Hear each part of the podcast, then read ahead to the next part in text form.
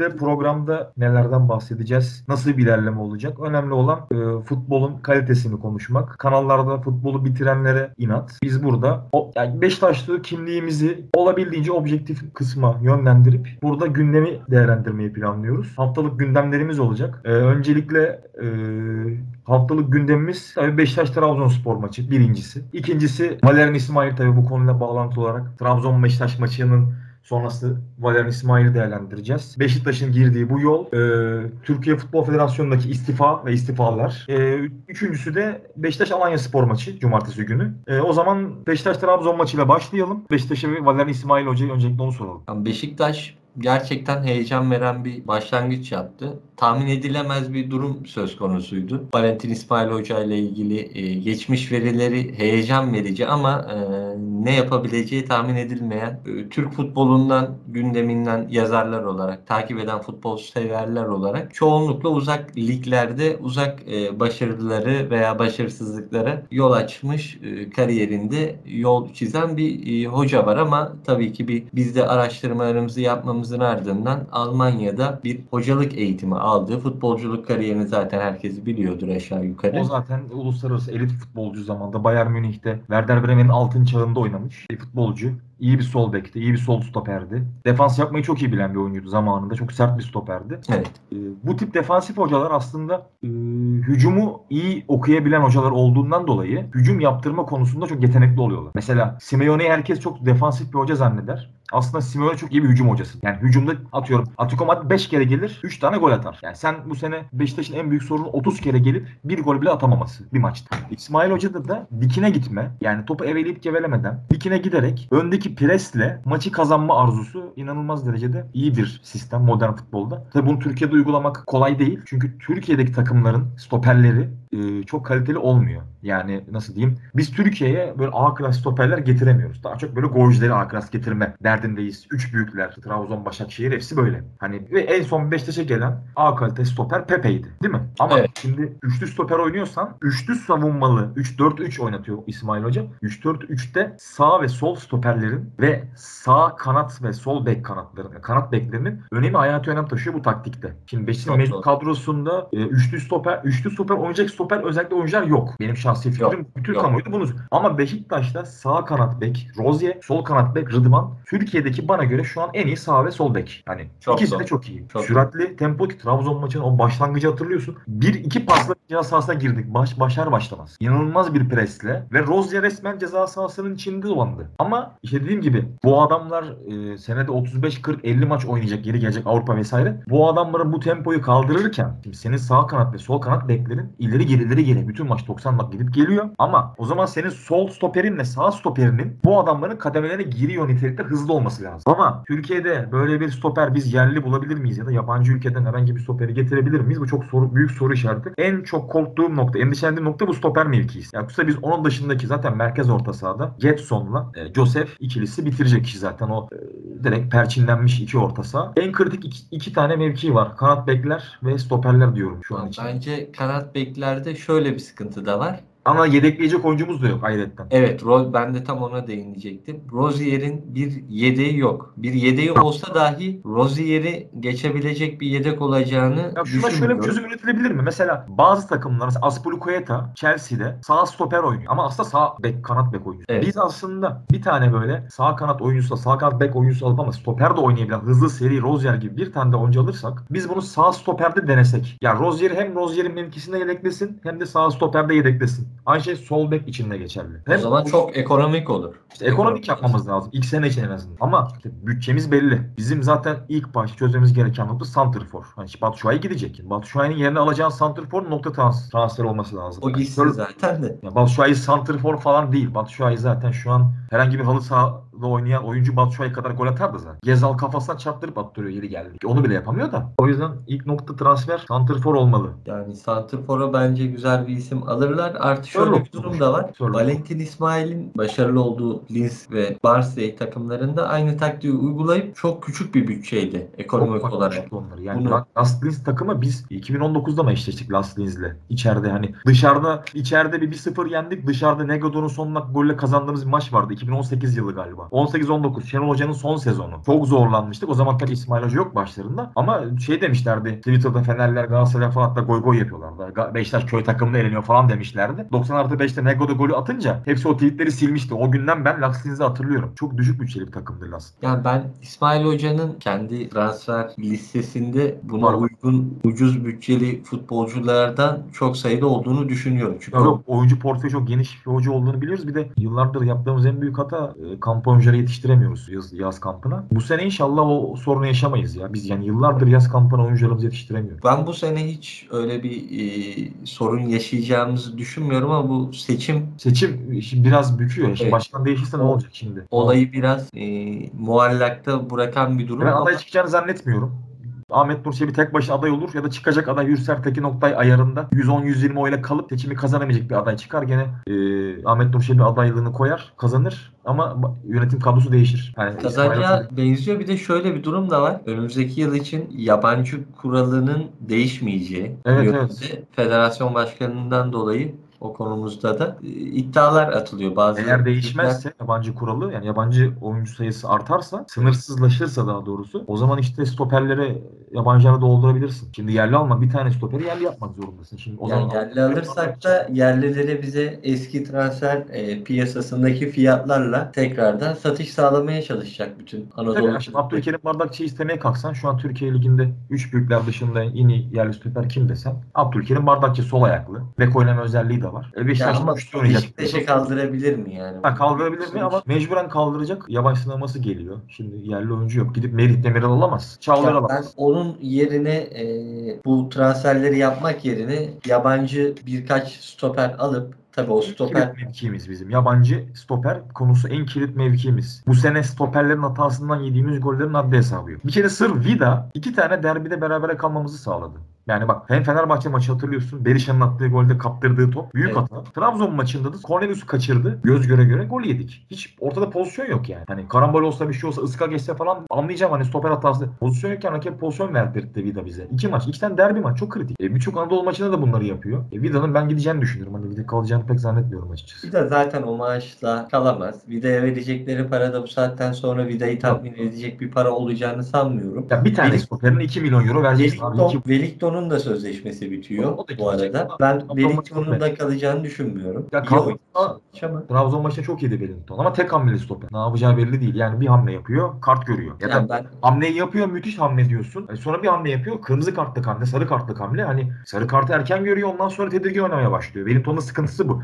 E zaten abi 450-500 bin euroya oynattığımız oyuncu bu. Bundan fazla bir şey bekleme. Bunu Sergen Hoca da söyledi bize. Hani en sakalarla Wellington'u aldık ama diyor. Bunlar maksimum veren oyuncular. Bunun ötesini beklemeyin diyor. Şimdi 450-500 bin euro oynayan oyuncular bunlar. Sen 4,5 milyon euroya Pepe'yi oynattın. E Pepe sana, ben Pepe'nin Bayern Münih maçını hatırlıyorum abi 2038'de ya. Tek başına, tek başına ordu gibi savaştı. Ben böyle bir stoper performans hatırlamıyorum. Lig tarihi. İnanılmaz şeyler yani. Ama sen şimdi yıllık 4,5 milyon euro hangi stopere verecek? Ha desen ki bana, bana Kim Minje performansı verecek, Marcao performansı verecek, Vitor Hugo performansı verecek ya da Beşiktaş'tan örnek vereyim Marcelo performansı vereceğinin garantisi varsa ver abi 3 milyon euro bir tane stoperine derim ben hani. o ben transfer bütçelerinin artık olmayacağını da düşünüyorum. Çünkü Yok bu veremeyiz. çıkan yasa kapsamında, meclisten çıkan yasa kapsamında ne kadar uygulanır herkes takipçisi olacaktır futbol severlerinin ama e, eğer o uygulanırsa artık o tip transferler Ya bir sıkıntı uzun bir süre yani. hayal oldu. Sıkıntı şey bak Fener nasıl buldu abi Kim Minje'yi? Çin Ligi'nden buldular. Biz de bulalım. Gerçekten Türkiye Ligi'nde şu an istim altında Türkiye Ligi. Oyuncuların geçen bir paylaşım vardı. İşte bu Galatasaray Ligi 13 sırada falan hani Galatasaray küme hattındaydı birkaç hafta öncesine kadar. Galatasaray bu sene yaptığı transferler neredeyse ilk kata değerlenmiş. Galatasaray'ın şu an bir başarısı yok. Marka 2,5 milyon eurodan çıkmış 15 milyon. Nelson işte 4 milyon euroymuş. Şu an 10 milyon euro piyasa değeri. İşte Berkan Kutlu bile eleştiriliyor bir takımda. 2,5 milyon euro piyasa değerinden 5 milyon euroya fırlamış. Ama şöyle bir şey var burada dikkat edilmesi gereken. Galatasaray'ın futbolcularının çoğu 20'li yaşlarının Ya başında. tamam kabul. Benim bahsettiğim nokta şu. Sen Türkiye Ligi'ne potansiyel oyuncu aldığın zaman iyi veya kötü, başarılı veya başarısız bir şekilde oyuncu değerleniyor. Yani Yaş- yaşından dolayı ve maç oynama sayısını bir şey var yani. O piyasa yükseliyor. Mesela Ersin Destanoğlu'nun transfer market verisine göre değeri 10 milyon euro. Ama Ersin Destanoğlu 10 milyon euro bir kaleci değil ki. Değil. Yani kendimizi kandırmayalım. Ersin Destanoğlu çok genç. Potansiyeli olan bir kaleci. Daha 20 yaşında. Bugün Uğurcan Çakır 26 yaşında. Uğurcan Çakır artık tecrübeli kaleci. Uğurcan Çakır ile Ersin Destanoğlu arasında 6 yaş var abi. 3 sene sonra Ersin'i bir bakalım nasıl olacak Ersin 3 sene sonra. Böyle giderse biraz da kendini geliştirse bence Uğurcan'ı da geçer. Yani ben Uğurcan'ın geçeceğini kesinlikle inanıyorum. Yani Uğurcan geçer oynaması Uğurcan lazım. Çok iyi kaleci. Uğurcan müthiş bir kaleci. Ama geçme potansiyeli var diyelim. Şimdi yanlış anlamasınlar. Hemen şeye yoruyor bizim insanımız biliyorsun. Sen Uğurcan'la Ersin'i mi kıyaslıyorsun falan diye şimdi bize giydirirler falan arkadan yanlış. Ben Uğurcan'dan iyi kaleci demiyorum. Uğurcan'la arasında 6 yaş var. Bu adam 20 yaşında, Uğurcan 26 yaşında. Uğurcan 24 yaşında kaleye aldı. Bu adam 19 yaşında kaleye aldı ve şampiyon oldu. Bunun önünde 6-7 sene daha var o seviyeye gelmek. Bu 6-7 seneyi Ersin iyi değerlendirirse zaten elit bir kaleci olacak Türkiye çapında. Ama tabii Ersin'de de bitiyor iş. Ersin'in çok can çalışması lazım. Özellikle ayaklarını çok düzeltmesi lazım. Ayakları çok kötü. E, paslar çok şey oluyor. Mesela bu sistemde ayakları iyi olan kaleci de bizim için avantaj olacak. Çünkü rakip e, üçlü oynadığımız için bizim yarı sahada kalabalık olduğu zaman kaleciye basıyor. Kaleci de uzun oynuyor. Uzun oynarken senin orada Rozier'i, Gezal'ı ya da ne bileyim pivot santrfor oynayacaksa pivotu bulman lazım. Sistemde hocanız. Hocanın sisteminde topu önde bir e, futbolcuyla buluşturmak var. Seçtiği Bir futbolcuyla. taneyle buluşturuyor. Hepsinin yanına sokuyor. Çok enteresan. Evet, evet ve birkaç pas içerisinde şuta gidiyor. Ve Ve şöyle bir evet, Zor. şöyle bir e, istatistiği de var hocanın çalıştırdığı takımlarda. Örnek veriyorum Türkiye'de herkes tüm hocalar basın önüne geçtikten sonra maç sonunda topla oynama yüzdesini söyler istatistiğe bakan hocalar. Çoğu. İşte topla %60 oynadık, %70 oynadık. Bazı hocalar da topla oynamanın hiç e, önemli olmadığını. dünyası orada ikiye bölünmüş durumda zaten ya. Aynen, hiç önemli olmadığını e, sadece sonucun önemli olduğunu varsayan Zaten topu çevirirsin. Topu yana ver, ona ver, buna ver, çevirirsin. Ama önemli olan sen dikene yaptığın paslarla ne kadar başarılı ol. Biz Abdullah Avcı bize geldiği zaman hatırlamıyor musun? %80, %70 toplu oynama oranlarına sahiptik. Ama bir tane gol pozisyonumuz yok. Yani o zaman %70-80 oynamanın ne manası var? o bence tamamen çok yanlış bir karardı. Topla oyna, topla oyna nasıl oyna biliyor musun topla? Öne geçtin 2-0. Rakip senden top almak için iyice böyle hırslanacak, sinirlenecek. Orada yavaş yavaş paslarını yap. Hani zaman geçti son 5 dakika. Biz bunu Şenol Güneş zamanında yapıyorduk. Mesela Porto maçında maç berabere. Bize bir puan yetiyor. Son 5 dakika 85. dakikada. İşte orada kim vardı o zaman? İşte Oğuzhan, Talişka, Malişka top cambazı çoğu zaten. Kovarejma bilmem Babel falan. Top çeviriyorlardı orada 2-3 dakika. Bizimkiler de oley oley oley çekiyorlardı. Hani orada yap o top çevirmeyi. Artık modern futbolda öyle tiki taka falan kalmadı. Zaten tiki taka futbolunun sürdürülebilirliği olsa Barcelona bu durumda olmaz. Şu an dünyanın en takımlarındaki Manchester City, Liverpool. Bunların hiçbiri ya City biraz hakim futbol oynuyor ama City ile bizi kıyaslama. Çok bambaşka bir seviye. Liverpool desen mesela Liverpool dikine oynamayı seven bir takım. Şimdi Atletico Madrid bence son 10 kaç işte 10 13 14 yılın son 10 yıl diyelim. Avrupa futbolunun en başarılı takımı ben öyle düşünüyorum. Atletico Madrid. Tabii Atletico Madrid bir hocayla Yani senin- istikrar Mes- Messi'nin prime dönemindeki ya da Ronaldo'nun prime dönemindeki dönemlerde şampiyon oldu bu adam. Ve elindeki kadroda öyle süperstar adamlar yok. E, nasıl oldu? Bir sistem kurdu. Dikine futbolu ku- kullandı. Katı savunmayı e, şey yaptılar. Başka türlü Barcelona Real Madrid'i geçemezlerdi. E ne oldular? O ligin Barcelona ve Real Madrid'den sonraki üçüncü büyük bütçesi oldu. Adamlar 80-90 milyon euroya ya da 100 milyon euro civarında paraya Felix'i transfer eder konuma geldi. Atletico Madrid'de şöyle bir durum da var. Şampiyonluk sayısı yüksek olduğu için yayın gelirinden İspanya'da en çok var. pay alan Evet. takım var. Valencia falan da var yayın geliri. Zamanında Valencia'lar falan şampiyon oluyordu. Ama onlar niye yapamadılar? Doğru yapılanma yok. Yani ya benim o İsmail Hoca ile en çok hoşuma giden nokta abi sistem hocası. Çok çalışkan bir adam. Kendini çok veriyor işine. İşin bilim tarafına çok önem veriyor. Ya biz Türkiye'de çok alıştık böyle. Türkiye'de yerli hocaların işte bu şey muhabbetlerine böyle işte sürekli böyle gazetecilerle tartışan yerli hoca, başkanla tartışan yerli hoca, işte egoların savaşı, yani Fatih Terim falan bunu yaşadı. Bir Sergen Hoca çok başarılıdır geçen sene. O bile yaşadı bunları yani. Çeşme'de ayağına gitti bizim yöneticiler sözleşme imzalamak için. Tamam burada yöneticiler hatalı tartışılır da yani biz bu kaprislerden sıkıldık artık. Bize daha profesyonel bakan adam lazım. Bu adam işin kitabını okumuş, işin ilmini öğrenmiş. Ben diğer hocaları küçümsemiyorum. Şenol Hoca da, Sergen Hoca da çok büyük hocalar. Çok da başarılılar. Ama abi mantalite meselesi. Atletico Madrid teknik direktörüne verdiği para da benim bildiğim kadarıyla şu anda dünyada en çok kazanan teknik direktör Simeone. Bunun yanı sıra Türkiye'de de bence alt liglerde çok iyi stoperler var. Yani üzerine koyabilecek. İsmail Hoca'nın şöyle bir yanı da var. Takım ortalamasının yaşı 24 olduğu söyleniyor. Bu anlamda genç tempolu bir futbol oynadığı için sürekli genç oyunculardan oluşan bir takımla Beşiktaş mücadele edecek. İsmail Hoca'nın olduğu zamanda hem altyapıdan Beşiktaş kültürüne önem verilen oyuncuların çıkmasını sağlayabilecek hem de genç oyuncuları alıp senin anlattığın az önce Galatasaray örneği örneğinde olduğu gibi zaten genç oyuncuların bir piyasa değeri olmadığı için birkaç sene istikrarlı bir şekilde oynadığında ve Avrupa'da mücadele ettiğinde Simeone en e, fazla zaten kazanan teknik direktörlerden bir tanesi. Birinciydi bir ara bilmiyorum o ünvanını kaybetti mi. Onun dışında Valentin İsmail genç takımlarla oynatıyor. Çünkü tempolu futbol oynattığı için çok e, yaşlı oyuncularla oynayabilecek bir sistem değil. Temposu anlamında. Normal 3-4-3'lere göre çok tempolu ve değişik e, bir içeriği var. E, şöyle söyleyeyim. Topu ileriye atıp ileride yoğun bir pres uygulayıp topu tekrar rakipten çalıp 3 pasta gole gitmeyi planlayan bir sistem. Önde topu rakibe verip rakipten daha sonra almaya çalışıyor. Tabii tabii. Direkt zaten pres amacı Aynen. o zaten. Yani presle yoğun presle almaya çalışıyor. Bu anlamda da e, çok e, bu bahsettiğin Galatasaray'daki gençlerle ilgili örnek vermek gerekirse örnek veriyorum Berkan. Berkan Kutlu. Berkan Kutlu. Berkan Kutlu Alanyaspor'a gelmeden önce 22 yaşında Sion'dan gelmişti. Sion çıkışlı İsviçre takımından. Sion, Sion'un da U21 takımında oynuyor. 22 yaşına kadar sadece Sion A takımında bir defa bir maçta oynayan, onda da 90 Evet, dakika oynamayan bir futbolcu. Alanyaspor'a gelip bir yıl veya yarım sezon oynayıp Galatasaray'a 5 milyon euroya satılan bir futbolcu. Şimdi bu tip e, bizim de futbolcuları alarak 1-2 yıl istikrarlı bir şekilde oynadıktan sonra bu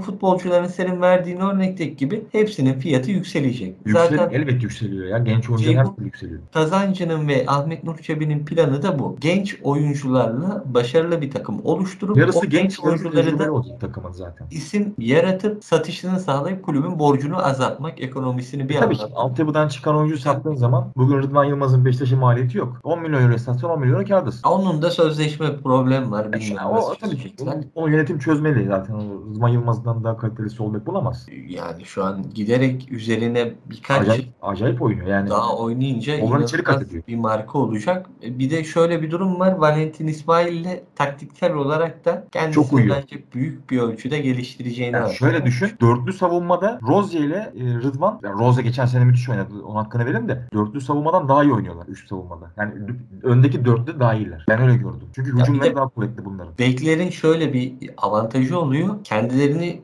gösterebilecekleri bir sistem. Şimdi 4-4-2'deki bir sistemde bir bekin kendini gösterebilmesi çok böyle ahım şahım bir e, gösterebilme Yok 4 4 Düzeyi 2 bek olmuyor. zaten çakılı bek oynar. Aynen çakılı bek oynuyor. İleriye belki önlü arkalı kademelerine girerek gidiş geliş ya da arkadan bindirmeler yapıyor ama bu çok etkili olmayabiliyor. Ama bunun e, yanı sıra 3-4-3'te ise sürekli bir git gel olduğu için ve arkasında kazanıyor oyuncu. stoperler, üçlü stoperler, bek e, gibi beklerin boşluklarına kademeye Bakıyor. girdikleri için arkaları da bir anlamda rahat oluyor. 3 Tabii, tabii. stoper olduğu için. Kendilerini görüş, gösterebilecekleri bir oyun sistemi. Bunun yanı sıra hani Türkiye'de de ben ilerisi çok parlak olan stoperler olduğunu düşünüyorum. Bilmiyorum 3-4-3'e uymayacaktır ama Yani 3 4 3 Eskişehir Spor'da- stoper bulmak kolay değil. Ayakları düzgün olacak, hızlı olacak vesaire ama sen buna en yakın, en çok uyanını almaya çalışacaksın artık. Yapacak bir şey yok. Bartu Göçmen var Eskişehir Spor'da. Ya var ama Fiziği şimdi Beşiktaş Gayet iyi, seviyesine hızlı. çıkabilir mi?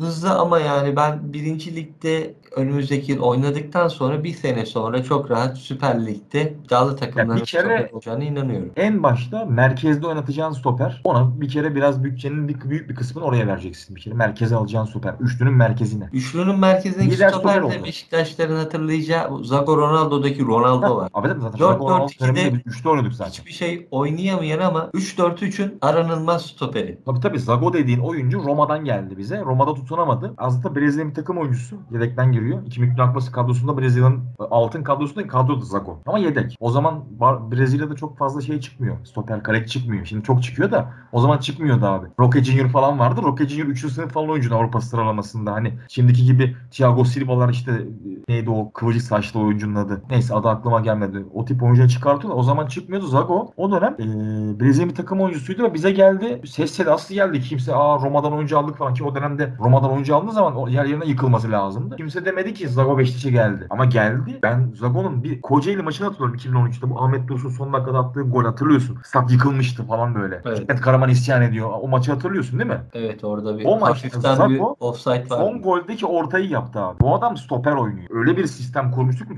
Üçlü savunma sistemi. O yüzden üçlü, üçlü, üçlü, üç, dört, üç falan şey yapmayın. Bu tip sistemler üçlü, dörtlü savunma değil de üçlü savunmalarda, beşli savunmalarda kaymalı oynuyorsun. Mı? kaymalı. Yani senin sağ bek, sağ kanat bekin forvetine yakın pozisyona geliyor ama sağ stoperin de sağ bek gibi yaklaşıyor ona. Önemli olan burada kaymaları yapmak. Bunu yapabilmek için de dinamik kadroya ihtiyacım var. Genç kadroya ihtiyacım var. Yani o demek değil ki bütün kadroyu 18-19 yaşındaki oyuncular dolduralım. Bu da imkansız. Araya serpiştireceksin abi işte. E, Joseph de Souza gibi, Gezal gibi 3-4 tane böyle tecrübeli oyuncuları serpiştirip yanlarına dinamik oyuncuları koyacaksın. Zaten model böyle. oyuncuların da böyle ciğersiz olması lazım burada. Nasıl? Ciğersiz tecrübeli. Joseph gibi. Ciğersiz Evet. yani. Koşabilen. Ya bu Gezal çok mücadele ediyor bu arada. çok mücadele ediyor ama hani Gezal, bir tane Gezal kaldırabilir. Belki bir Gezal daha kaldırabilir bu takım. Ama üçüncüsünü asla kaldıramaz. En Kaldıramaz. az koşanın Gezal kadar koşması lazım. Ki Gezal'ın koşu temposu da bence bu oyunun için e, az kalan bir koşu. Ama Gezal'ı bu takım idare edebilir. Bir oyuncu da bunu e, tolere edersin. Bir oyuncu tolere edersin ama ikiyi tolere edemezsin. O zaman ne yapacaksın? Çözüm ne? Hoca zaten İsmail Hoca'nın hep oynattığı takımlarda abi şöyle bir siz gözüme çarptı benim. Adam Last Linz'de de Barnsley'de de ikisinde başarılı oldu. West Bromwich'te olamadı. Last Linz ve Barnsley'de en çok gol ve asist katkısını aldığı oyuncular orta saha merkez. Yani gol asiste onlar da en çok sessiz kalmış. Ne Santrfor'dan almış. Şeylerden almış tabii. Santrfor ve yanındaki ikili üçten almış ama en çok orta sahalardan almış. Merkezden çok fazla önem veriyor oyuna. Bizim merkez orta saha seneye Getson'la şey olacak. Joseph olacak. Onların yedekleri de önemli bu arada. Yedekleri de önemli. Şeyi gördün mü? Joseph'in son maçta iki tane şut attı Joseph. Tabii. Çok kötü vurdu ama Joseph iki senedir ceza sahasına girmiyordu abi. Ama Joseph Trabzon gibi bir takıma karşı nabzı çok yüksek bir maç. İnanılmaz zor bir maçtı. Yani Trabzon bir an önce şampiyonluğu garantileyip rahatlamak istiyor. Adamların üzerinde 40 yılın baskısı var. Bir an önce maçları kazanıp şampiyon olmak istiyor. Öyle bir hırsla oynuyorlar ki Abdülkadir hücum oyuncusu inanılmaz Siopis kadar mücadele etti. Ben böyle bir koş yani bizim kadar en az Trabzon'da mücadele etti. Yani Trabzon hiç bu kadar bir maçta zorlanmamıştı bu sene. Yani, yani şimdi İsmail'in ilk sınavı bir bir beraber gitti. Az kalsın kazanıyordu. Niye başarılı oldu ilk sınavında diyoruz. Trabzonspor gerçekten bu sene iç sahada inanılmaz tempolu oynuyor ve bu maçta müthiş oynadı. Trabzonspor çok güzel oynadı. Çok en azından müthiş mücadele etti. Bu kadar hırslı ve bütün futbolculardan neredeyse %100'üne yakın performans alan bir takıma karşı e, neredeyse sahaya gömdü Beşiktaş. Ve elindeki oyuncular 3-4-3'e göre dizayn edilmiş transferler değil. Yamalar yapılarak kuruldu kadro. Yani şey İsmail Hoca'nın tarafında. Bir de hocanın istediği oyuncular gelirse ben çok doğru yolda buluyorum Beşiktaş'ı. Ya nazar değmesin. Tabii de bilmiyorum. Sergen Hoca için de aynı söylemiştik ama bir sene sonra istifa etmek zorunda kaldı. Türkiye burası her şey oluyor. Yani Valentin İsmail'in de ben çok uzun soluklu Beşiktaş'ta kalabileceği inancında değilim. Başarısız olursa zaten gidecek. Başarılı olursa da tam tersi Damga vurur ama. tutamayacağımızı Damga düşünüyorum. vur. Yani İsmail Hoca ligi bırak Avrupa'da bize başarı getirir. Peki bu bir haber düştü bugün. Bilmiyorum. Ee, İsmail'in Beşiktaş'a forvet olarak İbrahim Sokko'yu önerdiği. Bir, bir- biri de şey ikinci liginden. İbrahim Soku'yu bilmiyorum ben nasıl bir oyuncu. Belki gençtir tam haberim yok ama 27 Dijk diye bir oyuncu yaşında. varmış Amerikalı. Bir, Bu e, şeyden West Bromwich Albion'dan galiba tanıyormuş onu. Dyk'ı. Evet. Onu istiyor. Kalıplı böyle bir 90 üzerinde santrafor pivot. Onu istiyor diyorlar ama O Dayka Em- Emenike'nin kuzeni diyorlar. bilmiyorum o kadarını. Ama çok kalıplı bir oyuncu. Yani hocanın zaten sisteminde pivot santrafor garanti olacak bir tanesi. Hatta iki, santrafor, iki tane pivot isteyecektir. Bütçeye bağlı tabii de. Sörlot'la anlaşıldı diyor, diyenler var. Sörlot'la ilgileniyor diyenler var. Sörlot bence bu sisteme uyar. Uyar, Yani uyar. Türkiye'yi ben pivot santrafor. Koşabiliyor, güçlü. Bir oyuncu. Teknik de var. Olmuşu var. Fizik de var. Hız da var yeterince. Yani biz eğer bu takımda yani şampiyonla oynayan hangi takım olursa olsun Türkiye'de iş yapar. iki tane çok iyi forvet olması lazım. Tabii tabii. İkinci- olursa süper olur. Şimdi Cenk Tosun zaten serbest kalacak. Büyük ihtimalle Beşiktaş'a gelecek. E, Cenk Tosun da şey oynayabiliyor. Pivot özellikle. Beşiktaş'ın vereceği maaşlarda biraz sıkıntı var. O yüzden hani normalde Burak'ta, Cenk'te herkesi alabilir. Belki Talişka'ydı ama bu maaş bütçesinden dolayı büyük bir sıkıntı var. Yani fedakarlık yapan gelecek, yapmayan gelmeyecek kıvamında bir durum. Aslında Belki şöyle Burak'la da gelebilir tekrar. Şöyle Ha, Burak durum. gelirse de maç sayısı ne olur, kaç dakika oynayabilir? Onlar büyük bir Ya bu sistemde Burak Yılmaz'ı ben zannetmiyorum ya. Çok olma ya oynayabilir. Türkiye lig maçlarında oynayabilir belki bir 60 dakika, 40 dakika, 45 dakika, Yani 50 ikinci yarıda girmesi lazım. Ben onu o rolü kabul eder mi Burak Yılmaz bilmiyorum. Burak Yılmaz'ı belki 3. forvet olarak sayabilirsin. Yani 1 ve 2'ye yazamazsın. Sakatlık da yaşayabilir. Ama işte Burak Yılmaz onu kabul eder mi? Gider Adana Demirspor'a gider. Orada futbolu bırakır en kötü yani. Yani onun öyle bir opsiyonu var. Adam şimdi kariyerini bu şekilde bitirmek istemez. Yani Burak Burak'ın ben bildiğim kadarıyla bir 100 gol 100 gol değil. İki sene önceki Burak Yılmaz olsaydı evet haklısın. İki sene önceki Burak Yılmaz çok fitti. Çok güzel pres yapıyordu. Çok güzel aralara kaçıyordu. Ama tabii artık 36-37'ye girecek. Türkiye Ligi'nde yanılmıyorsam bir 200 gol Yani onu onu onu kırmak Hedefi için var. gelmek isteyebilir. onu kırmak istiyor. Yani onun dışında Yani bence Beşiktaş'ta oynar mı? Sıkıntı orada. Yani Tuttuğu kulüpte şampiyon olarak bitirmeyi bence amaçlayabilir. Ya o da bir ihtimal ama tabii yerli alternatif gerekli. Burak Yılmaz faydalı oyuncu da ben bu sisteme uyacağını hiç düşünmüyorum. Burak Yılmaz'ın artık o ma- maceraya girmez Beşiktaş. Ya Bence de girilmemesi gerekiyor. Burak Han Beşiktaş'a bence uymayan bir futbolcuydu hiçbir zaman. Ya hakkını Ay, verdi kesin. son dönemde. İyi futbol oynadı. Kaptanlığını güzel yaptı. Şampiyonluk yarışı soktu 2019'da Beşiktaş'ı. Orta bıraktı gitti zaten Lille gitti. Lille, Lille transferini Tabii yani e, bu sözleşme oyuncuların biten oyunculara baktığımızda Atiba Hutchinson kalır mı kalmaz mı? ben antrenör olarak devam edeceğini düşünüyorum ya açısının. Bu tempoyu ben de kaldırabileceğimi Kaldıramaz. Sistem sanmıyorum. inanılmaz. Zaten Başka bir hoca olsaydı bir yıl daha oynardı ama. Yok yani duran futboldaki yani duran yapıyı da kaldıramıyor yapı şeyi fizik artık. Normal 40 yaşındaki oyuncudan bahsediyoruz yani. Atiba'yı nasıl Yabancı kullanırsın? kuralı serbest olursa Belki şöyle Atiba. bağlı kullanabilirler mi? Bir 10-15 maçta olsa. E, İşte şey olur. e, 60'tan 70'ten sonra sokarsın Atiba'yı. 30 dakika oynar. Belki stoperin ortasına dahi oynatabilir mi? Yani geçen sene 10 asist 9 gol falan mıydı? Öyle bir asist şeyi var. Atiba her yerde oynuyor da hani ben ilerideki futbol temposuna bilmiyorum. Kaldırabilir mi ama geride oynatabilir mi stoper olarak? Hiç zannetmiyorum ya. O riske hiç girmez. Eksik olursa. Yani orta sahada kullanılır. O da şey Getson'la Joseph'in alternatifi gibi kullanılır. Ama öyle bir maç, iki maç değil yani. O- 30 dakika, 20 dakika. Oğuzhan Özyakup'tan 10 yıl sonra kurtuluşumuza ne diyorsun? Ya Oğuzhan Özyakup'tan kurtulmak cümlesini e, 2016 yılında bana dese ki bir tane kahin 2016'da e, 2022 yılında Oğuzhan'dan kurtulduğumuza şükredeceksin dese inanmazdım. Çünkü 2016'da inanılmaz oynadı Oğuzhan. Yani Sergen'den sonra o Şenol Güneş dönemine kadar başka yerli oyuncumuz yoktu o kadar damga vuran.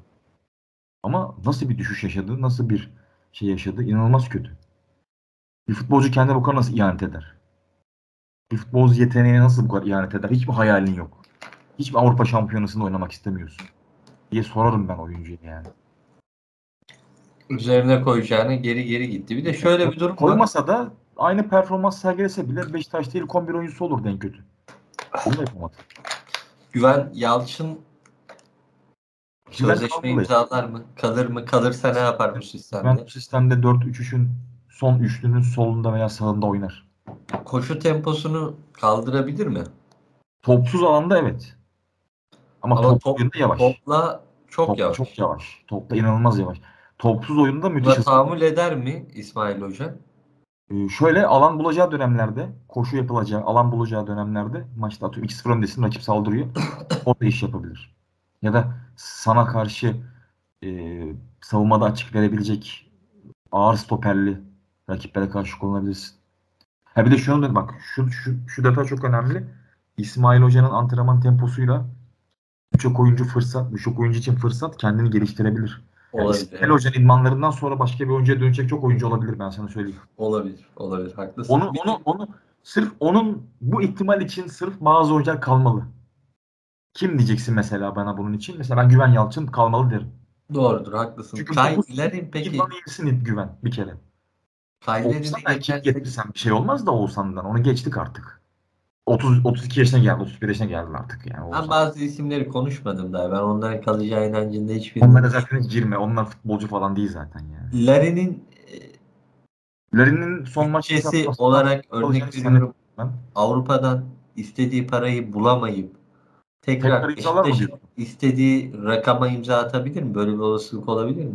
Çünkü Ben geçen yıl çok iyi oynadı. Bu yıl çok kötü bir durum var. Ve attığı bir tokat var. çok iyi Disiplin- bir Larin. Çok gol attı davranıyor. aslında. Takımın en çok golcülerinden biri. Batshuayi'den. Batshuayi'den daha fazla gol attı belki de. Yok, geçen yıla göre kıyasla. Geçen yıl zaten kariyerinin prime dönemini yaşadı. Bence bir daha da yaşayamayacak onu.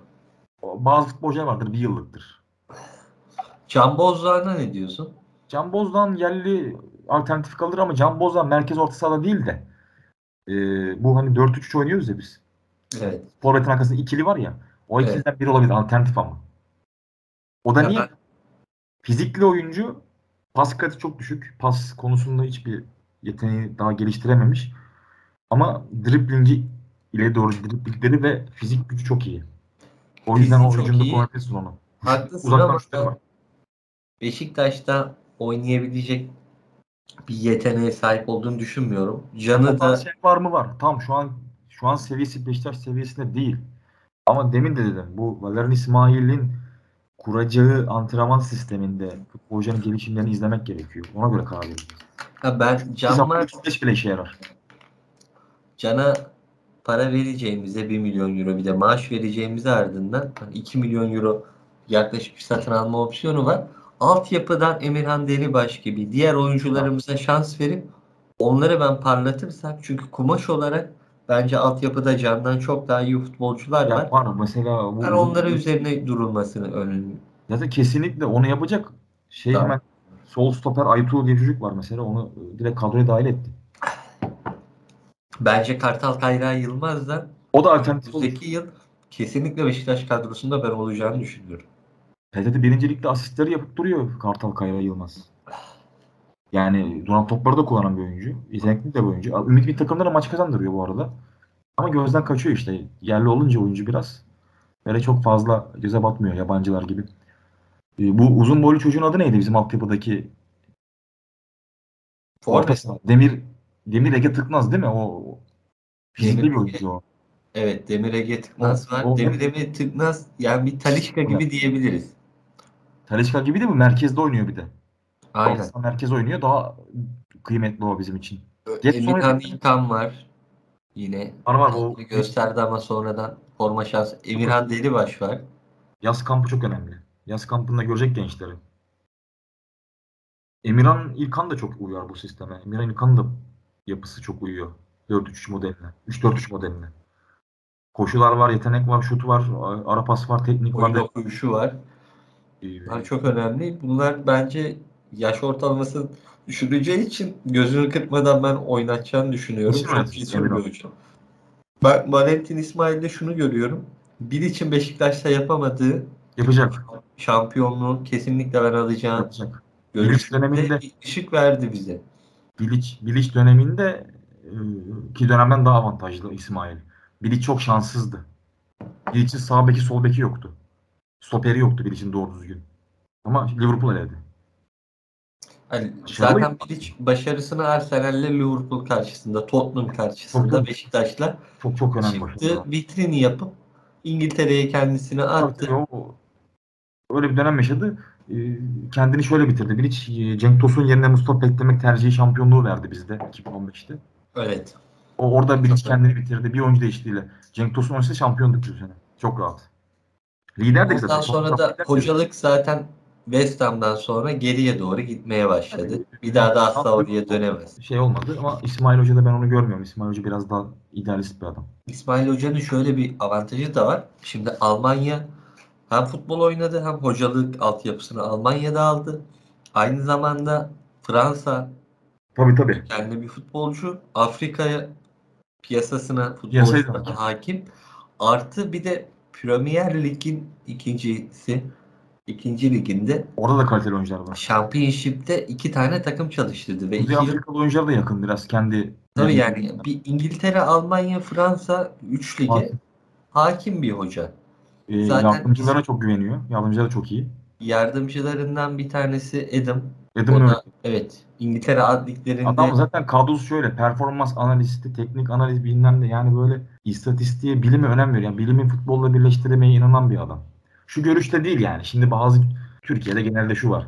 Ya futbol top oynuyoruz ya ne matematiği ne bilmem nesi işte ne bilmem nesi. Halbuki futbolun içinde bir sürü bilim dalı var yani artık. Şu Liverpool'un sadece taç atmak için antrenörü var. Sırf taç çalıştırıyor. Bu arada yorumlayan hocalar İsmail Hoca'nın taçtan ve kornerden takımlara inanılmaz gol attığını Var var. söylüyor. Taç, taçtan var ya bak sana bir şey söyleyeyim. Sırf taçtan 3 tane gol bulsak senede kar. Bilmiyorum Torrent'te Galatasaray'ın hocası Barcelona'da taç hocasıymış ama ben hala Galatasaray'ın taçtan bir gol attığını görmedim geldiğinde. Tacı atacak oyuncu bulamamışlardır onlar muhtemelen. Öyle Bilmiyorum, 30 belki metre, vuracak 20 metre taç atacak da oyuncu yoktur bulunmuyor. tabii. Taç çalıştırmamışlar. Tacı atacak oyuncu yok Galatasaray'da. Uzun taç atacak her oyuncu atamaz. Onu böyle korner gibi kavisli atan oyuncular var. O Türkiye'de yok. Ömer. Ömer Bayram atamaz mı? Atar da şeyde kalır top. Yayın önünde kalır. Stoper karşılar direkt onu yani. Bir ara Stoke City vardı taçlarla. Top City atıyordu o. Bir tane oyuncuları vardı. Verrill miydi neydi? İrlandalı bir oyuncu. Bizim maçta da Paso adamlar atar gibi atıyor adam. Korner gibi geliyor top. paso şeyden soldan sağdan Futbolcuların da boy ortalaması maçta. 1.85'in üzerindeydi ilk 11'in. Nasıl? Futbolcuların da o dönemde 1.85'in üzerindeydi. Tabii tabii. O şeyle başladı onlarda. ya. Peter Crouch'la başladı o iş. çok çok bütün takım uzundu ya. Tabii tabii. Orta sahalar falan hep uzun. Stoperler bile giriyordu korner. Şey, taşlarda pozisyonları. Peki Rıdvan Dilmen'in federasyonla ilgili geçiş yaparsak Ha, federasyona geçelim. başkanlık adayına ne der? Ne diyorsun? Şimdi Rıdvan Dimen ne demiş tam olarak ben onu hatırlamadım da. Bir bana Türk tekrar futbolunun bana ihtiyacı var. Abi o zaman futbolun Rıdvan. Dimen'e ihtiyacı varsa Rıdvan Dimen adaylığını koyacak. Federasyon başkanlığı kadrosunu kuracak. Ben diyeceğim adayım diyecek. Abi şimdi herkes konuşuyor. Erman Toroğlu konuşuyor. Ben hakem hocasıyım diyor. Hakemleri eleştiriyor. Merkez Hakem Komitesi adaylığını koymuyor. Ahmet Çakar konuşuyor koymuyor. E, Rıdvan Dilmen 25 senedir televizyonlarda. Nerede bu adam? Konuşmakla olmuyor ki. Adaylığını ben açıkladı. diyeceksin. Ben bu işe girmeyeceğim diyeceksin. İddialı konuşmayacaksın. Sözlü olarak aday olacağını söyledi yani. Bir Ahmet Çakar. Erman Toroğlu gibi değil. Hayır aday olsun. Çünkü futbolu bilen adam. Futboldan gelmiş adam ben istiyorum zaten federasyon başkanı. Fenerli olsun Galatasaray olsun önemli değil benim için. Futboldan gelen adam olsun federasyon başkanımız. Yani sen yıllardır saçma sapan adamları federasyon başkanı yaptın. Saçma sapan derken yani futbol değişebilir mi? Ve şaibeleri bulanmış adamları yaptın bunları. Aday olsa kazanır. Kazanabilir mi sence? Bilmiyorum ki abi işin çok farklı boyutları var. Şimdi bir siyasi boyutu var. Orayı geçer. Siyasi boyutun rahatla geçeceğini düşünüyorum Rıdvan Dilmen'in de. Diğer lobilerin durumu ne? O kadar karmaşık bir kurum ki orası yani. Hiç, hiç ne desek boş. Saçma sapan bir, biri de başkan olabilir bu arada yani. Hiç alakasız biri. Ben Rıdvan Dilmen'in aday olsa dahi başkan olabileceği inancında değilim. Hiçbir şekilde. Yok çok olmaz. Yani gene bir iş adamı gelir. Nihat Özdemir vari bir adam gelir. Bir holding başkanı bir şey vesaire. Belki eski bir kulüp başkanı adaylığını koyar. Göksel Gümüşdağ ihtimali çok yüksek. Konuşuluyor. Göksel Gümüşdağ zaten daha önce federasyonda görev almış. Oranın kokusunu şeyini bilen adam. Hemen Göksel Gümüşdağ'ı yaparlar. Ha, o da Galatasaraylı. Koyu Galatasaraylı hem de. Ama bilmiyorum. Ya faydalı olacak. Hasan Doğan'dan sonra federasyon zaten toparlayamadı. Hasan Doğan çok önemli bir figürdü. Hasan Sıra Doğan ben. hakemlerle ilgili açıklamaları falan var Hasan Doğan'ın o dönemde. Vefat etmeden önce. Hasan Doğan çok devrim yapacak bir adamdı ama maalesef adam hayatını kaybetti. Yapamadı yani. Yoksa ondan sonra zaten gelenlerin hiçbiri hiçbir bir arpa boyu yol ilerletemedi Türk futboluna. Hayırlısı olsun izleyip göreceğiz ama bu kurallar artık bir Sistem değişti bir kere Türkiye'de ya. Resmen hani hani Hamit Altıntop mesela diyoruz ki Hamit Altıntop şöyle Hamit Altıntop çok bilgili oyuncu. Tamam kabul Almanyalı önemli bir Real Madrid dönemi şu oyuncu sonuçta. Konuşuyor şunu yapmamız lazım bunu yapmamız lazım ama abi sen sen yetkilisin sen yöneticisin sürekli şunu yapmamız lazım bunu yapmamız lazım şunu yapmam e yap elinde bağlayan mı var? Bunlarla olmuyor yani icraat gerekiyor Türk futbolunda. Ben Hamit Altıntop'u çok ciddiye almıyorum ya. Ya ciddiye alma değil. Hamit Altıntop futbolu beğenen adam. Kabul ediyorum. Real Madrid'de oynamış oyuncuyu ben burada küçümseyemem ki. Adam zaten Real Madrid'de Bayern Münih top oynamış adam. Türk futbol tarihinin önemli oyuncularından biri. İlk beşe girer. Liste yapsın. Ama, Ama tamam iyi bir futbolcu ama bu yöneticilik farklı bir şey. Türk futboluna şekil vereceği anlamına gelmez. İşte yöneticilik çok farklı bir olay. Brezilya'da da çoğu futbolcuyu milletvekili yapıyorlar ama siyasete yön veremiyor. Yani ben Ya bak bu şeye benziyor. İşte futbolu beğenen adam şeyin başına gelmiyor. Federasyonun başına gelmiyor. Başkan olmuyor. Futbol direktörü oluyor. Futbol direktörünün de başını yiyorlar. yani Bugün- Tür- Türkiye'de futbolcular önce bir kulüp başkanı olsun. Ondan işte. sonra bir futbol federasyonu yapıyı oynayabilir. Ama için- önce bir kulüp başkanı olsunlar bence. İlla işte kulüpler zor durumda bir iş adamı gelecek kurtaracak bizi gözüyle bakılıyor. E Peki şimdi- şuna ne diyorsun? Yani bir kulüp başkanı olamıyor Türk futbolcular. Örnek Evet. veriyorum. Hiç olamadılar Ama- bu zamana kadar. Tamam olamıyorlar ama mesela Ronaldo, fenomen Ronaldo, Cristiano Ronaldo değil. Brezilyalı İspanya, olan evet İspanya'da kulübü var. var. Kulübün, kulübünün ismini de hemen ben sana söyleyeyim. Bir kulüp satın aldı son zamanlarda haber olmuştu. Evet o kulübü de ben sana söyleyeyim. Hatta bizim eee, Enes Ünal da o kulüpte Valladolid oynuyordu. Bir Getafe. yıl önceki yani bir önceki takımı Getafe. Enes Ünal. Şu an zaten Getafe değil mi Enes Ünal? Nerede oynuyor? Bir saniye ben. Şu an Getafe ama Getafe'de an. Vala, Valladolid. Valladolid oynuyordu. onu, onu satın aldı. Evet öyle bir takım satın aldı. Valladolid'i satın aldı Ronaldo. Peki bizim Türk futbolcuları neden Avrupa'da veya üç büyüklerde oynamış milyon euroları götürmüş futbolcular şu anda Türkiye Ligi'nden, alt liglerden veya PTT'den 3 milyon euroya 5 milyon euroya bir takım neden satın almıyorlar? Şimdi abi onu o tercih meselesi bir de kulüp satın alma olayı yeni trend oldu. Yani yeni yeni insanlar kulüp almaya başladı. Anelka falan aldı ya işte bir, bir tane kulüp satın aldı Anelka. Ya Musa Sol Babeski Spor'u aldı ya. Ya işte bu yeni bir trend oldu şimdi. Acun işte Hull City'yi aldı. Acun Ilıcalı. Ya bu Tamam. Avrupa'da zaten var yani. Herkes Ha. olan bir Sizde- olay. 20-30 yıldır dünya futbolunda çok yaygın olan bir şey. Ya Bizim Türkiye'de niye alamıyorsun? altyapı hocası oluyor. Yardımcı antrenör oluyor. Teknik direktör oluyor. Sportif direktör oluyor. Kolay Kardeşim sen o kadar para kazandın. Al bir kulübü. Futbolcu yetiştir sat. Kendin Tabii yönet. kurması lazım mesela. Madem bu kadar işi biliyor Halil Altıntop.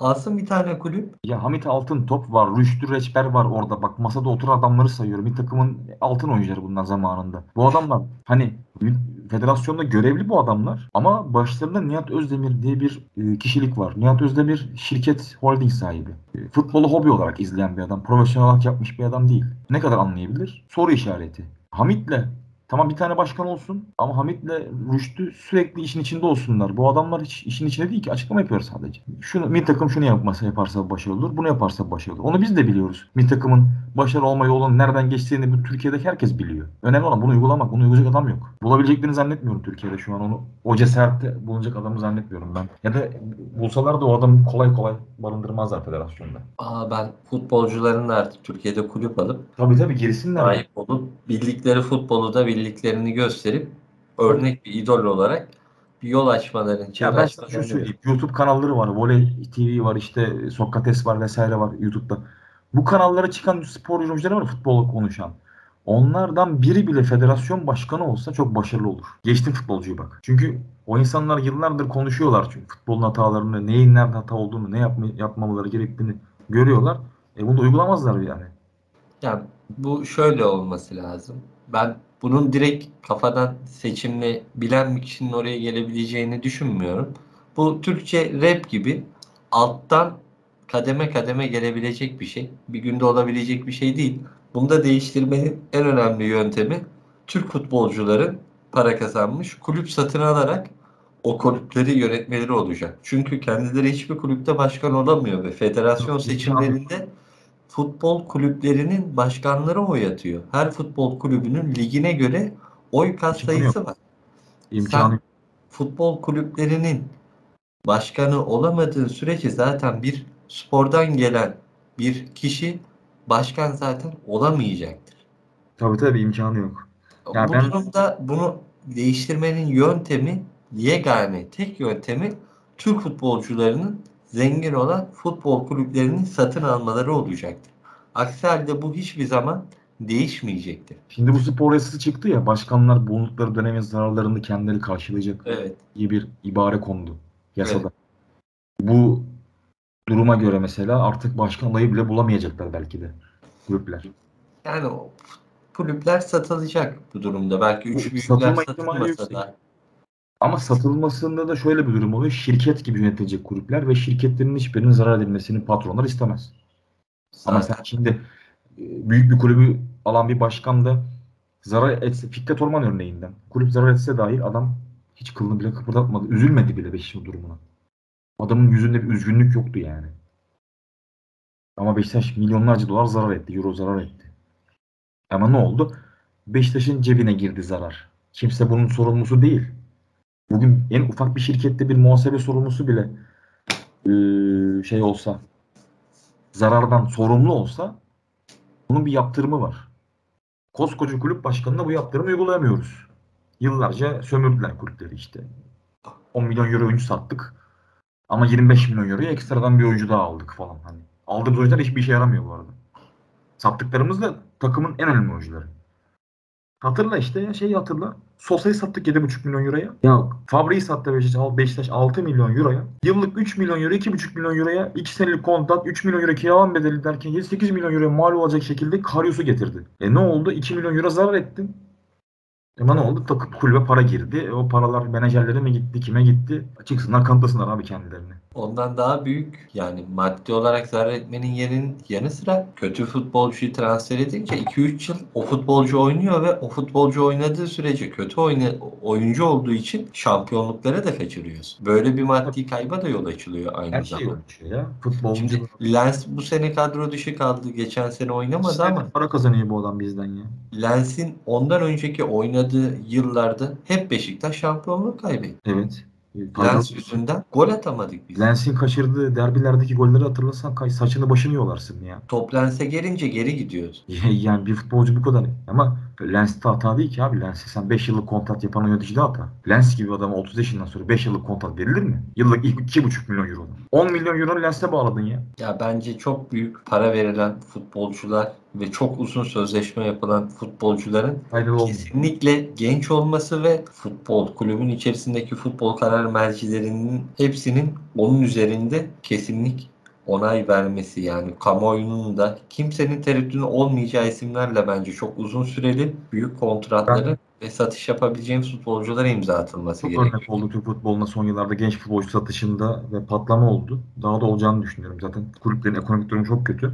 Ama ben şöyle bir şey de söyleyeyim. Türk futbolunda üç büyükler artık Anadolu kulüplerinden parlayan futbolcuları alamıyor. Onlar ya Avrupa'ya gidiyor en iyisi. Direkt ikinci ligden Avrupa'ya gidiyorlar artık. Altyapıdan Avrupa futbolcu alıyor artık. oluyor çünkü Bir Mustafa Kapı örneği var. Bedava gitti Galatasaray'dan. Şu an Adana Demirspor'a geldi. bir sürü var. Lyon'un aldığı oyuncu var. Cenk Özkaçar Altay'dan. Beşiktaş alıyordu. Bir ay çocuk Beşiktaş'ı bekledi. Zeki Çelik İstanbul Spor'dan gitti şeye. Lille. Onu da Beşiktaş kaçırdı. İkinci ligden gitti Freiburg'a. Bir sürü örnek var. Cengiz. Çağlar, Çağlar'la Cengiz'i de Beşiktaş yine kaçırdı. Beşiktaş Çağlar Söyüncü'yü kaçırdı. Cengiz Ünder'i kaçırdı. Zeki Çelik'i kaçırdı.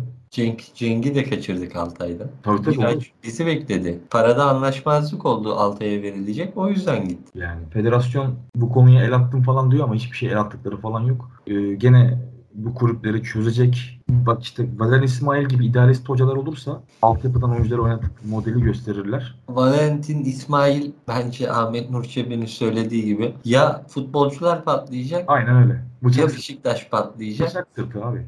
Beşiktaş patlarsa da bu sistemle bütün ligin ezberini bozacak. Bozacak yani. Türkiye'de oynatmama üzerine bir sistem var. Bu sistem çok değişik bir sistem Türkiye'ye göre. Türkiye sistemi futbol dizayn verecek bir değişiklik olur. Türkiye'de de futbol anlamında bir devrim olur. Türkiye'deki hocaların da ben artık tamamen değişmesi taraftarıyım. Ee, ve Türkiye'deki yerli hoca kavramının da ben artık sona ermesini istiyorum gerçekten. Abi yerli hoca var, yerli hoca var. Şimdi İlhan Palut dediğin adam yerli hoca ama çok başarılı. Ya yerli, yerli hocaların tamamen 50 yaş altı genç jenerasyona şans verilip Ömer Erdoğan da falan örneği var ya adam nasıl top oynatıyor Hatay Spor'a görüyorsun yani. tabii yani Ömer Erdoğan ne oynattığını biliyor. Bir kere ne oynadığını Bir bilecek. var. Bir de Ama- izlediğinde futbol sever olarak ne yapmaya çalıştığını anlayacaksın. Ama işte Rıza Çalınbay başarılı başarılı gözüküyor ama tamam kaptandır Beşiktaş'ta yıllarını vermiştir vesaire ama işte artık o dönem bitti ya. Ya Rıza Çalınbay, Samet Aybaba, Aykut Kocaman bunlar artık yani futbolda tamam bunlar çok iyi antrenörler yaptığı zaman da başarılı oldular da artık yenilik lazım. E Mesela Farioli, Farioli var ya Evet. adamın bir sistemi var. Başarılı olur veya olmaz. Ne diyor bu adam? Geriden oyun kurarken tek pasla çıkacağım diyor. Yani tek pas derken kısa paslarla çıkacağım diyor. Kaleciden başlatıyor. Altı pasa giriyor stoperler. Tık tık tık çıkmaya çalışıyor. Ha bu arada şunu da söyleyeyim. Bu maça da değinecektik biz. Alanya Beşiktaş maçına. Alanya Beşiktaş maçında çok ilginç bir sistem olacak. Senin söylediğin Ha, bak gibi doğru. Şimdi ona denk geldi. Şansa üçüncü konu başlığını buradan girdik. Evet. Farioli Alanya şey Karagümrük'te de öyleydi. pasla oynayan bir hoca. Abi şey maçını durmadan. hatırla. Geçen sene Karagümrük maçını hatırlasana bizim. Evet. Birlik mi berabere mi kalmış? Şampiyonluğun sonu. Berabere kaldı. Müthiş top oynadık ama puanı Karagümrük de inanılmaz oynadı. Abi adamlar tık tık tık çıkmaya çalışıyor. Birkaç tane topu kaptırdı. Atıyorduk birkaç tane gol öyle. Bu, bu maç farklı olacak ama. Bu maç bence tam bir taktik savaşı. Taktik savaşı. Met Karaman deyimiyle bu maç gerçekten hem çıplak gözle hem de televizyondan bence futbolun taktik yönüne önem veren kişilerin Türkiye Ligi anlamında çevirip çevirip izlemesi gereken bir maç olacak. Bir hoca pasta çıkarak gidiyor. Bir hoca ise pas Evet. yapmadan direkt çıkmaya çalışan ve Atıyor topu pas bekliyor. yapan evet pas yapan takımı presle bozup topu çalıp direkt gol atmaya çalışan bir takım. Şimdi Şimdi pas burada- yapan takım eğer topu Pas kaptırmazsa hatası yaparsa bitti. aynen bir pas hatası yaparsa bitti. Topu kaptırmaması lazım. Şimdi Farioli bunun bilincinde bir hoca olarak ne önlem alacak? Belki Farioli defanstan Sistemini değiştirecek mi yoksa sisteminden yine taviz vermeden bir önlem alarak mı? Hangi önlemi alacak onu Onu maç günü göreceğiz ama bence göreceğiz. vazgeçmez sisteminden çünkü bütün takımlara karşı böyle oynuyor. Bence sisteminden vazgeçmezse şu an bence en büyük şansı Farioli'nin İsmail'in istemedi yani kendi kurmadığı bir takım var ve daha çok yeni oturtamadı. daha oturmadı zaten hiçbir şey de. Aksi halde ben Sergen'in Hatay maçındaki meydan okumasının sonucunda 7-0 olan bir maç sonucu gibi ihtimali var. Farioli'nin bazı maçlarda fark yedi Alanya ile Karagümrük. İhtimali, evet, o, o ihtimali ben de düşünüyorum. Bu ve Beşiktaş'ın maçın sahasında olacak. Bilet fiyatları da ucuzlatıldı. Beşiktaş taraftarına da geçen haftaki mücadele bir heyecan verdi. Verdi. Bu hafta da İsmail'in seyircinin önünde seyircinin de onayını almak O isteyeceği. seyircinin baskısıyla o Perez futbolcular daha hırslı yapacaklardır. E, tabii taraftar geçen hafta Josef, Josef antrenman, aldı falan. Biraz daha seyirci oynamayı seven Rose falan. antrenman edasıyla bir antrenman maç edasında bir antrenman Ben Beşiktaş'ın rahat kazanacağını düşünüyorum. Tamam Beşiktaş Çok- bence çok- Valentin İsmail de buna önem verecektir ilk maçında. Bence Beşiktaş farklı bir galibiyet alacağı inancındayım. İlk 11 ben. çok önemli. İlk 11'de. Şimdi bak e, Trabzon maçında tutmayan oyuncular vardı. Kim bunlar? Biri bence Can Bozdağ'ın, biri de Alex Teixeira. Bu ikisi Trabzon maçında çok kötü oynadılar. Yani vasatın altındalardı. E, Alex Teixeira'nın yerine Enkudu'yla başlayacağını düşünüyorum. Can Bozdağ'ın yerine de orta saha alternatifi yok gerçi. Mecburen Can Bozdağ oynayacak o zaman. E, ama ben Enkudu'nun ilk 11 başlayacağını tahmin ediyorum. Çünkü Enkudu bu sisteme uyan en önemli oyunculardan biri. Solda hızlı, pres yapmayı seven oyuncu. Alex Teixeira fizik olarak bitmiş zaten. Hani pres yapacak hali yok. Bırak presi, top sürecek hali yok. Enkudu oynayacak diye düşünüyorum solda. Sağda Gezal, merkezde yine Batshuayi'den vazgeçmez. Ee, tabii dörtlü aynı, def, arka defans aynı, kale aynı. O yüzden Enkudu'yla Enkudulu bir sistemi görüp daha farklı olacağını düşünüyorum ben. Alex Teixeira'lı sistemden. Geçen maç girin, keşke Lerin yerine Enkudu girseydi. Bu sisteme çok uyuyor Enkudu. Yani Enkudu biraz sakatlığı var. O da yavaş yavaş kendini Hatay gösterecek maçında ama ya. Hatay maçında girdi, oyun çevresi değişti. yani ben Enkudu'nun yine önümüzdeki yıl yedek olarak ancak Evet, yazılabileceğini asla farklı bir oyuncu transfer etmemiz gerektiğini düşünüyorum. Türkiye Süper Ligi'ndeki hocalara gelirsek de şimdi Altay bir Sinan Kaloğlu deneyişi var. Bizim mantalitemizde önemli bir durum. Onu da izlemiş olacağız. Onun dışında Göztepe Stefan Thomas'ı deniyor. Ama Stefan Thomas Çaykur Rize olmak üzere Türkiye Ligi'nde Antalya Spor olmak üzere denendi ve başarısız denemeleri oldu. Başka hiçbir ligde de görev alamadı. Bence artık şans verilmesi Süper Lig ebatında olmayan hocalardan bence bir tanesi. Onun dışında Birkaç tane öyle hoca var. Çaykur Rizespor'da Bülent Korkmaz var. Bülent Korkmaz 10 yıldır hoca ve bu hocalığı üzerine Süper Lig'de ses getiren bir başarısı Bülent Korkmaz'ın üst düzey bir takıma çıkarması gibi söz konusu olmadı. Bence artık Bülent Korkmaz TFF evet. 1'e doğru TFF 1'e doğru ilerlemesi gereken Okan Onun dışında Yeni Malatya'da Cihat Aslan var. Cihat Aslan da çalışıyor ama iyi işler yaptı birkaç takımda ama arada bir hoca. Yani şans verildikten sonra başarılı olmayan kişilerin bence artık silinmesi lazım. Ya bazı mesela ilk şansını değerlendiren hocalar var Türkiye'de. İlk şansını müthiş kullanan. Ömer Erdoğan. Tabii yani Emre Belezoğlu bence başarılı. Hem Başarılı.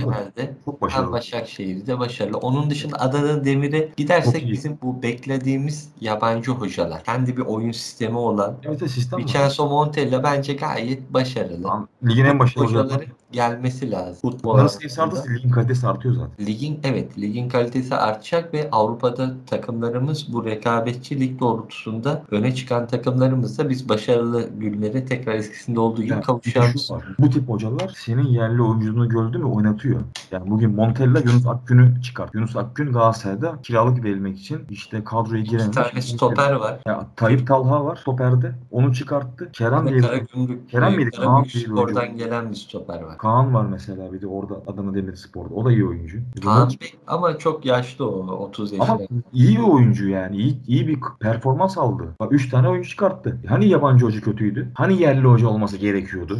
Ya Kaan zaten oynuyordu hani onun değil de çıkartmış olması hani bence yabancı oyuncuların yabancı hocaların olması lazım. Bence %50-50 olması lazım. Evet yabancı hocalar var. Idealist hoca lazım. Bunun yerlisi yabancısı yok. Futbolun dili evrenseldir. Yerlisi de aynıdır. De. İyi hoca kötü hoca var. Yabancı Güneş hocanın çok ben iyi hoca Şenol Güneş. Ama kaç tane yer Türk oyuncu çıkarttı Beşiktaş'ta Allah aşkına ya. ya. Gözün önünde Rıdvan Yılmaz gibi bir oyuncu var. Gitti solda Caner'i oynattı ya. Ölmüş Caner'i oynattı yani. 8-10 tane gol yediriyor dersin. Yabancı hocanın ben şundan olmasını istiyorum. Mesela Valentin İsmail'in gelmesiyle birlikte dev bir ekran kurullar. Ee, Evet. veya taktiksel sistemler olarak farklı sistemler veya farklı idman metotları gibi metotlar da Türk futboluna giriş sağlamış oluyor. Şimdi biz yabancı hocaları yıllardır Türk futboluna getirmedik. Uzak tuttuk. Bazı e, senelerde hiç yabancı hoca olmadı Türkiye Ligi'nde ve Türk futbolu Hiç geriye gitti. Çünkü yenilikler Türk futboluna girmiyor. 10 yıl boyunca Samet Aybaba, Rıza Çalınbay gibi Döndü durdu.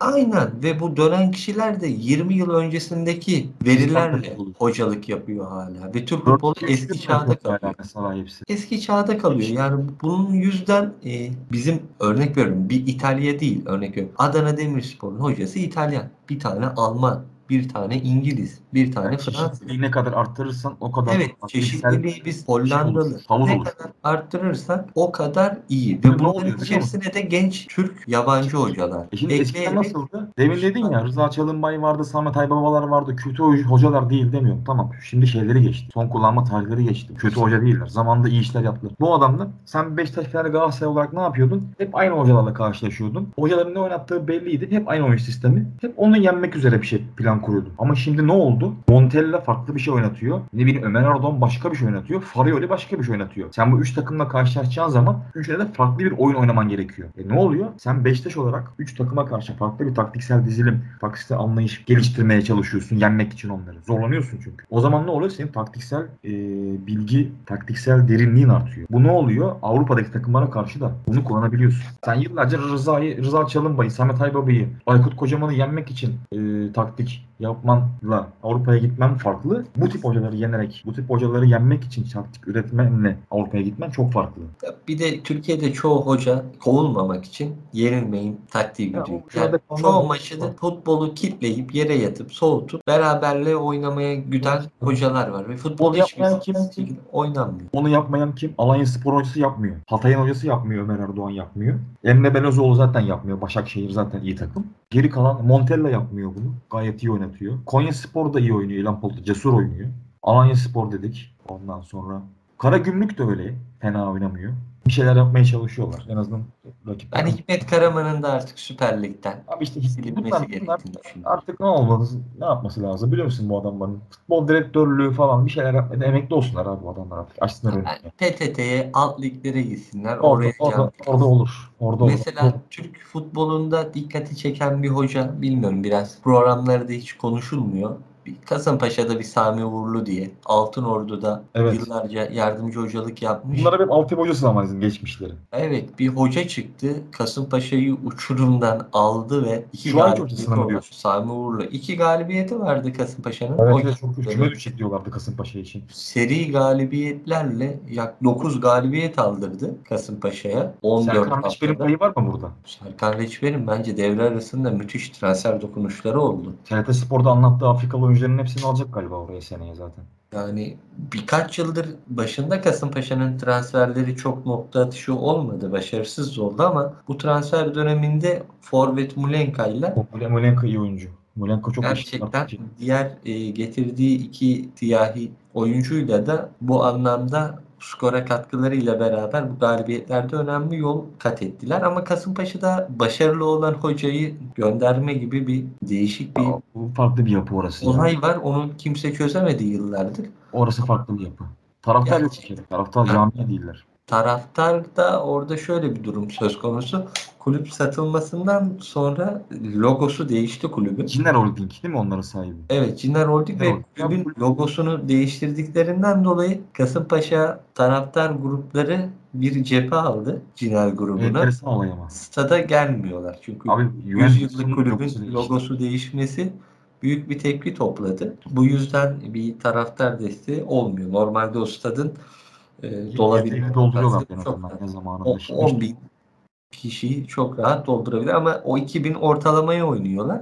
Ama e, Türk futboluna gerçekten e, Kasımpaşa getirdiği yabancı oyuncularla ligde olduğu sürece Güzel, çok güzel getiriyorlardı evet.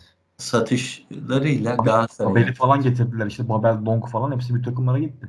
Babel, e, Donk, Cagne, Cagne, Trezeguet Trezeguet bak bir sürü oyuncu var.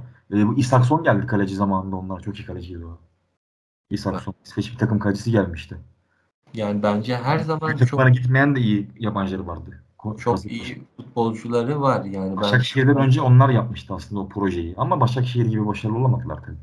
Başakşehir'den önce onlar kaliteli topçu getirdiler. çok kaliteli futbolcular Sonra. Başakşehir bu modeli benimsedi. Başakşehir aldı yürüdü. Yani şu an bir Uros Spajic var. Sırp. Evet fena bir oyuncu değil o da. Ben yani çok güzel. E, Bu Hayradunovic falan da kötü oyuncular değil zaten. Belli kaliteli. Ayrovic bence çok kötü bir oyuncu. Ben çok çıplak gözle izledim. Seviyesi var ama tabii süper. Kalitesi var ama e, ne yazık ki o kalitesi üzerine koyup yansıtamıyor. İşte bazen iki gömlek düşük bence şeyde Belhanda'da. Evet evet o seviyelerde şu an ama tabii yine de hani böyle çok da böyle rezil bir oyuncu değil ama işte bir patlama yapsaydı belki satarlardı onu patlayamadı. Bakalım bugünlük böyle bitirelim istersen. O Deneme yayını zaten. Ee, genel bir gündem. Cumartesi günü de Alanya Spor maçı var Beşiktaş'ın. O maçtan sonra zaten tekrar bir yayın olacak. O zamana kadar federasyonla ilgili de değişiklikler olur. Gündem, yayın ihalesini de konuşuruz. yayın konuşuruz. ailesi konuşuruz. Fenerbahçe ile Galatasaray konusuna da gireriz. Onların da gerçi derbi var. Fenerbahçe Galatasaray derbisi var. Biraz ona değiniriz çünkü pazar günün derbisinde. Hepsini toplayıp bir yayın yaparız. Tabii yani bu yayında sadece bu kanalda biz olmayacağız. Farklı arkadaşlar da Tabii olur. tabii onlar da olacak. Değişiklikler de olur. Farklı arkadaşlarımız da yayın yapacaktır. Ya bizim amacımız futbol, Türk futbolunun e, konusunda kafa yormak. Nasıl gelişir? Neler doğru yapılır? Neler yanlış yapılıyor? Analiz etmek. İyiye iyi, kötüye kötü diyeceğiz.